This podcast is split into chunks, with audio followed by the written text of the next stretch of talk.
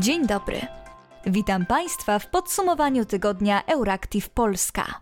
Dzisiaj opowiemy między innymi o ataku na Kreml oraz o kolejnych zamieszkach we Francji. Nazywam się Patrycja Gosk. W wirtualnym studiu jest też Bartosz Sieniawski. Wydawczynią podcastu jest Kinga Wysocka. We Francji celebrowano w tym roku święto pracy zdecydowanie inaczej niż w Polsce. Doszło bowiem do licznych demonstracji i zamieszek. Rannych zostało ponad 100 policjantów.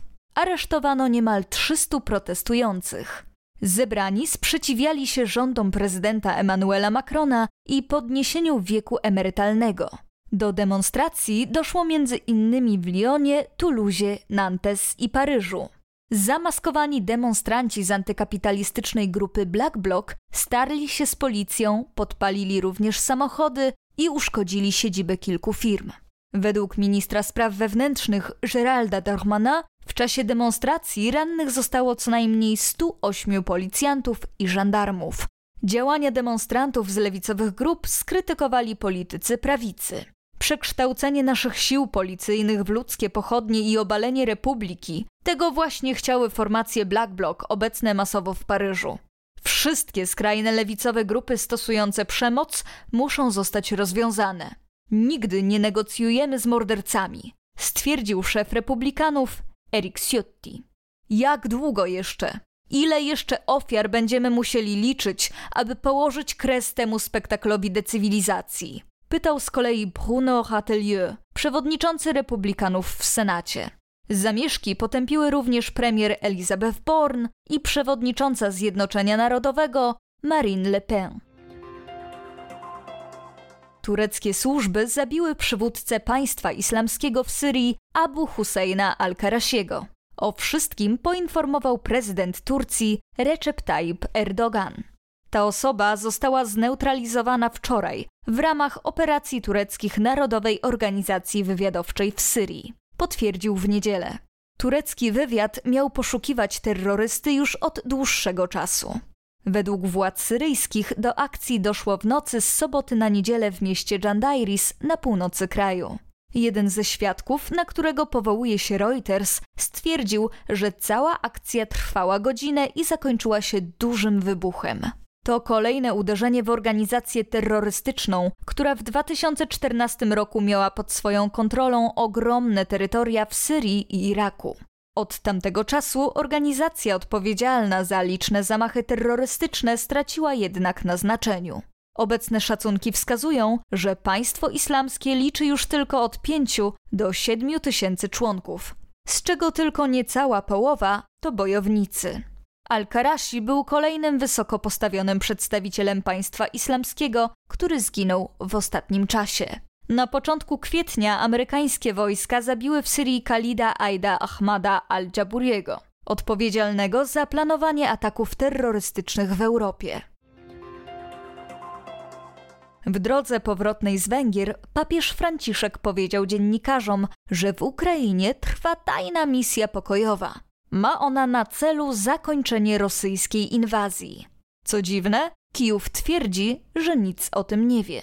Franciszek, który odwiedził ostatnio Węgry, przed odlotem powiedział dziennikarzom o tajnej misji pokojowej, która według niego ma obecnie miejsce w Ukrainie.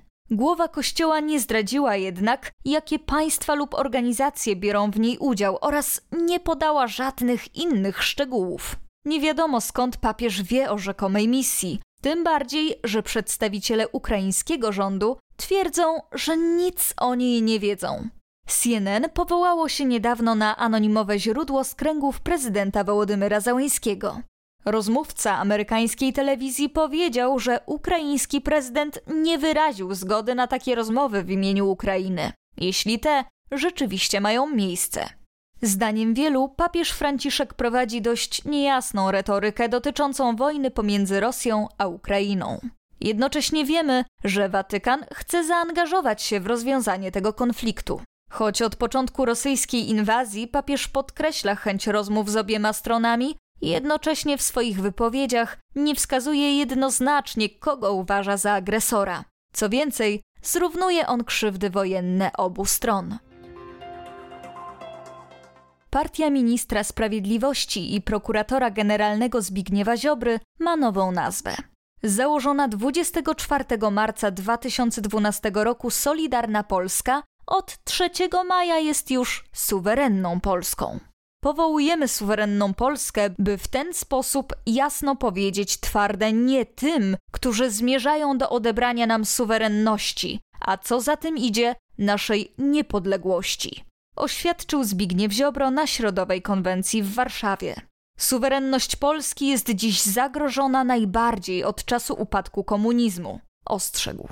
Wicemarszałek Sejmu i szef klubu PiS Ryszard Terlecki stwierdził, że zmiana nazwy nic nie zmieni.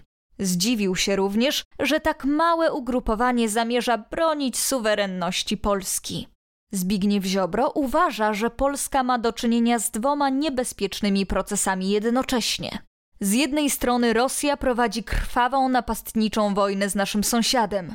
Ta wojna może też bezpośrednio zagrażać nam. Z drugiej strony lewicowi fanatycy w Europie Zachodniej forsują projekt zmian Unii Europejskiej w państwo federalne pod niemieckim przywództwem. Powiedział na Środowej Konwencji Nowej Suwerennej Polski. Nie chcemy hołdować lewackiej wizji Unii Europejskiej, która ma stać się jednym państwem z dominującą siłą narodu germańskiego. Nie chcemy stać się landem, kontynuował.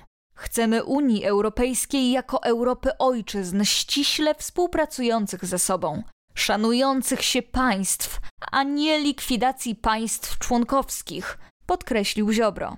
Nie ma suwerenności bez wartości, nie ma jej bez Boga. Odrzucamy lansowane przez Unię zepsucie i wynaturzenia, niszczenie rodziny i deprawację dzieci.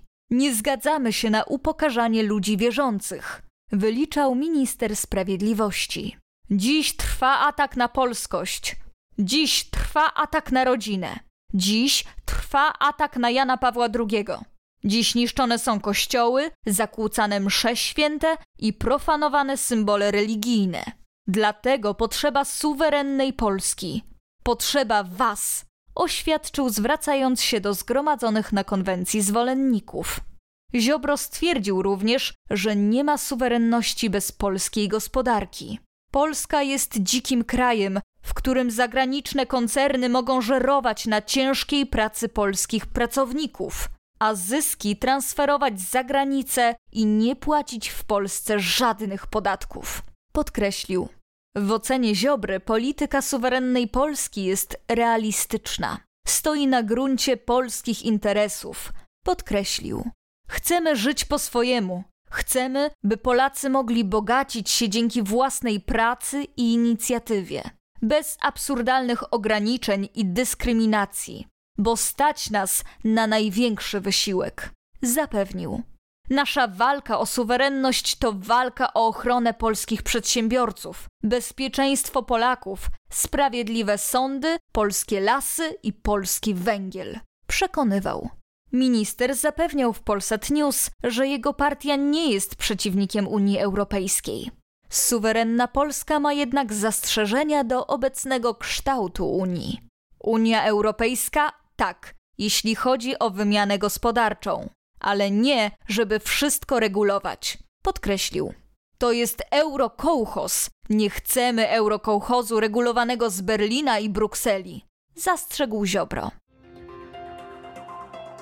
24 lutego 2022 roku Rosjanie przewidywali zajęcie Kijowa w trzy dni. Z kolei 3 maja 2023 roku poinformowali, że w ataku na Kreml nie ucierpiał prezydent Władimir Putin. To doskonale podsumowuje, jak najeźdźcom idzie wojna w Ukrainie. Tak, w majówkową dla Polaków noc dwa drony eksplodowały nad dachem moskiewskiego Kremla. Eksplozje były niewielkie i miały miejsce nad budynkiem, w związku z czym uszkodzenia były niewielkie. Nie wiadomo, aby ktoś ucierpiał, tym bardziej rosyjski prezydent, który w tym momencie przebywał w daczy pod stolicą kraju. Nie wiadomo też, kto jest odpowiedzialny za atak. Rosjanie oskarżają o niego Ukraińców, ci odpowiadają, że nie mają z nim nic wspólnego. Moskwa uznała wydarzenie za próbę zamachu na życie Władimira Putina, jednak Kijów odpowiedział, że zabicie rosyjskiego prezydenta nijak nie pomoże im w walkach na froncie w swoim kraju i że nie przeprowadziliby go. ago Padają podejrzenia, że cała akcja była rosyjskim false flagiem, to jest, że Rosjanie sami przeprowadzili zamach, co miałoby na celu na przykład usprawiedliwienie intensyfikacji akcji odwetowych na Ukraińcach lub zachęcenie swoich rodaków do zaciągania się do wojska, skoro już Kijów podobno atakuje centrum Rosji. Bez znaczenia, czy to ukraińskie drony prześliznęły się przez rosyjską obronę przeciwpowietrzną i doleciały aż na Kreml, czy to prowokacja ze strony Rosji, sytuacja stawia ją w nie najlepszym i szczerze dość żałosnym świetle, ponieważ albo jej obrona przeciwlotnicza jest kolosem na glinianych nogach, podobnie jak cała reszta jej wojska, albo Rosjanie są już na tyle zdesperowani, że posuwają się do tak dziwnych akcji. Na razie czekamy na informacje o potencjalnych akcjach odwetowych Rosji. Do tej pory wojska agresorów ograniczyły się do zbombardowania obwodu hersońskiego, zabijając 21 cywili. Jednak możemy się spodziewać dalszych reperkusji eksplodujących nad Kremlem UFO. Pekin w ostatnim czasie zaskakuje. W ubiegłym tygodniu po raz pierwszy od lutego 2022 roku doszło do rozmowy telefonicznej pomiędzy Xi Jinpingiem a Wołodymyrem Załańskim, a następnie Chiny poparły rezolucję ONZ, w której Rosja jasno nazywana jest agresorem. Chiny lawirują w ten sposób w wielu aspektach polityki zagranicznej. Do tej pory popierały jednak Rosję w jej działaniach w Ukrainie, wstrzymując się od krytycznego wobec niej głosu w sprawach wojennych na arenie międzynarodowej. To uległo zmianie. Chińczycy wraz ze 121 krajami poparły rezolucję Narodów Zjednoczonych, która wzywa do bliższej współpracy między ONZ a Radą Europy w obliczu rosyjskiej agresji. Rezolucji sprzeciwiło się pięć państw: Syria, Rosja, Białoruś, Nikaragua i Korea Północna. W izraelskim więzieniu w Ramli zmarł Kader Adnan, palestyński aktywista polityczny. Mężczyzna powiązany z organizacją Palestyński Islamistyczny Dżihad zmarł z wycieńczenia po prowadzonym od 87 dni strajku głodowym. 44-letni Palestyńczyk odmawiał pokarmów w ramach protestu przeciwko administracyjnemu umieszczeniu go w więzieniu na okres 6 miesięcy za podejrzenie o podżeganie do działalności terrorystycznej. Administracyjne pozbawienie wolności polega na wsadzeniu danej osoby do więzienia na ograniczony okres czasu w celu izolacji jej od społeczeństwa, jeśli zachodzi podejrzenie jej nielegalnej działalności. W tym przypadku o skazaniu kogoś nie decyduje sąd i uczciwy wyrok, a decyzja urzędnika. Ten sposób pozbawienia wolności jest krytykowany przez organizacje humanitarne, a stosowany jest zarówno przez Izrael, jak i przez Palestynę. Adnan spędził łącznie w izraelskich więzieniach 8 lat, pięciokrotnie podejmując głodówkę. Tym razem nie dotrwał do końca swojego strajku i zmarł nad ranem 2 maja. W ramach odwetu ze strefy gazy w stronę południowego Izraela wystrzelono trzy rakiety i pocisk moździerzowy, jednak spadły one na niezamieszkałe terytorium i nikomu nic się nie stało. Palestyńczycy zapowiedzieli strajk generalny w ramach odwetu za śmierć Adnana. Aktywista osierocił dziewięcioro dzieci. Mówiąc o powodzeniu rosyjskich wojsk w Ukrainie, należy zwrócić uwagę na ujawnione przez wywiad USA dokumenty wskazujące, że Rosjanie od grudnia stracili już 100 tysięcy żołnierzy w walkach w Donbasie. 20 tysięcy z nich zginęło, a pozostałe 80 tysięcy albo trafiło do niewoli, albo zostało poważnie rannych lub zaginęło. To straty na miarę II wojny światowej. Tak duże braki w personelu wojskowym zdecydowanie spowolniły rosyjskie natarcie na wschodzie Ukrainy, gdzie poważniejsze posunięcia na zachód poczynili jedynie w Bachmucie, a i tak nadal nie zdobyli go w pełni. Znaczne straty poniosła również grupa Wagnera, choć jej właściciel Jewgenij Prigorzyn uważa, że w Donbasie zginęło zaledwie 94 jego zielonych ludzików. To smutne informacje. 100 tysięcy osób z tylko jednej strony konfliktu wpadło w maszynkę do mięsa, jednakże nie zapominajmy, że nikt ich tam nie zapraszał i wiadomym było, że Ukraina będzie walczyć do ostatniego żołnierza. Duże straty Rosjan są dobrą informacją z perspektywy ukraińskiej wojny obronnej i walki o zajęte dotychczas przez agresora terytorium, zwłaszcza przed przewidywaną w niedługim czasie ukraińską kontrofensywą. To już wszystko w dzisiejszym podsumowaniu tygodnia redakcji Euractiv Polska. Życzymy Państwu miłego weekendu.